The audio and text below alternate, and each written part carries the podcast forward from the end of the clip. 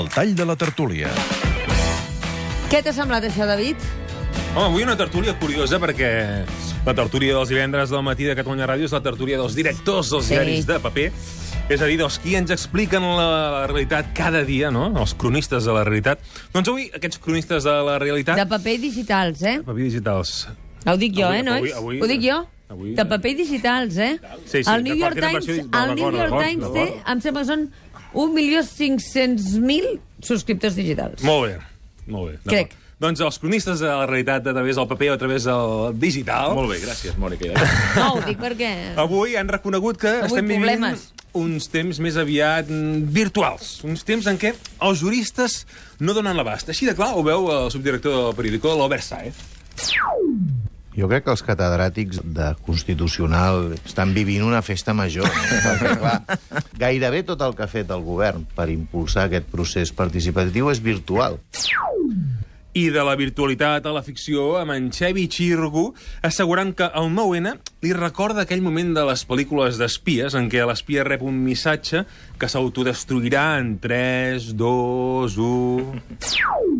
Aquesta consulta se celebrarà d'aquí 10 dies, 9, 8, 7, 6, i això per mi és absolutament imparable. Imparable o impossible, perquè alerta, perquè la pel·lícula d'espies més Sí. coneguda en els últims anys és Missió Impossible. mm, títol... Eh, ara bé, Missió Impossible...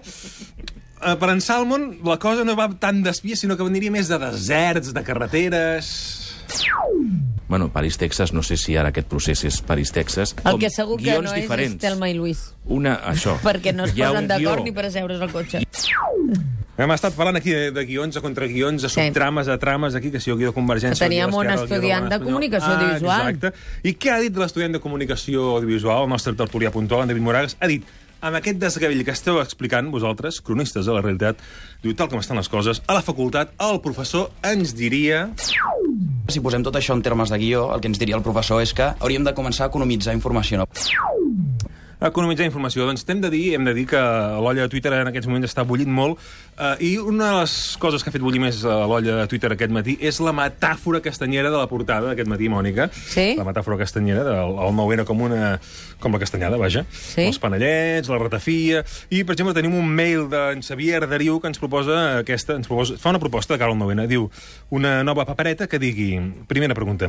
Aquesta castanyada prendràs panellets? En cas afirmatiu, els vols prendre amb ratafia? Diu, aviam què faria el Constitucional amb aquesta papereta.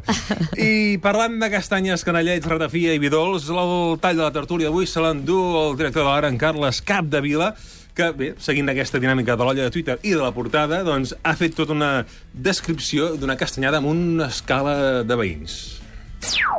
I no pot No, venir no, el president de l'escala i dir-me això que esteu fent primer és molt greu perquè sembla una castanyada, perquè teniu una castanya a la mà, i segona, hi ha veïns que no han vingut. Dius, no, i hi ha veïns que no han vingut perquè no m'has deixat convocar-la, no m'has deixat fer el terrat, no m'has deixat que fes invitacions per tothom. Per tant, tu, tu, president de l'escala de veïns, ets l'últim que em pots dir com és que no és obert a tothom, perquè tu has impedit que sigui obert a tothom, i això per mi és una cosa elemental. Dues precisions que faig abans d'acabar. Casta es pot dir en català, naturalment, m'ho hem consultat a la UAL, perquè a més correspon a una classe a l'Índia, i el New York Times, que ho he dit amb el Mario i malament, tenia 875.000 subscriptors Que són- actualment, que són molts. que són molts, però podrien ser més. sí, només 870. Només 875.000. Moltes gràcies a tots, directors. David Moragas, que tinguis Gràcies. molta sort, company. Gràcies, bona castanyada.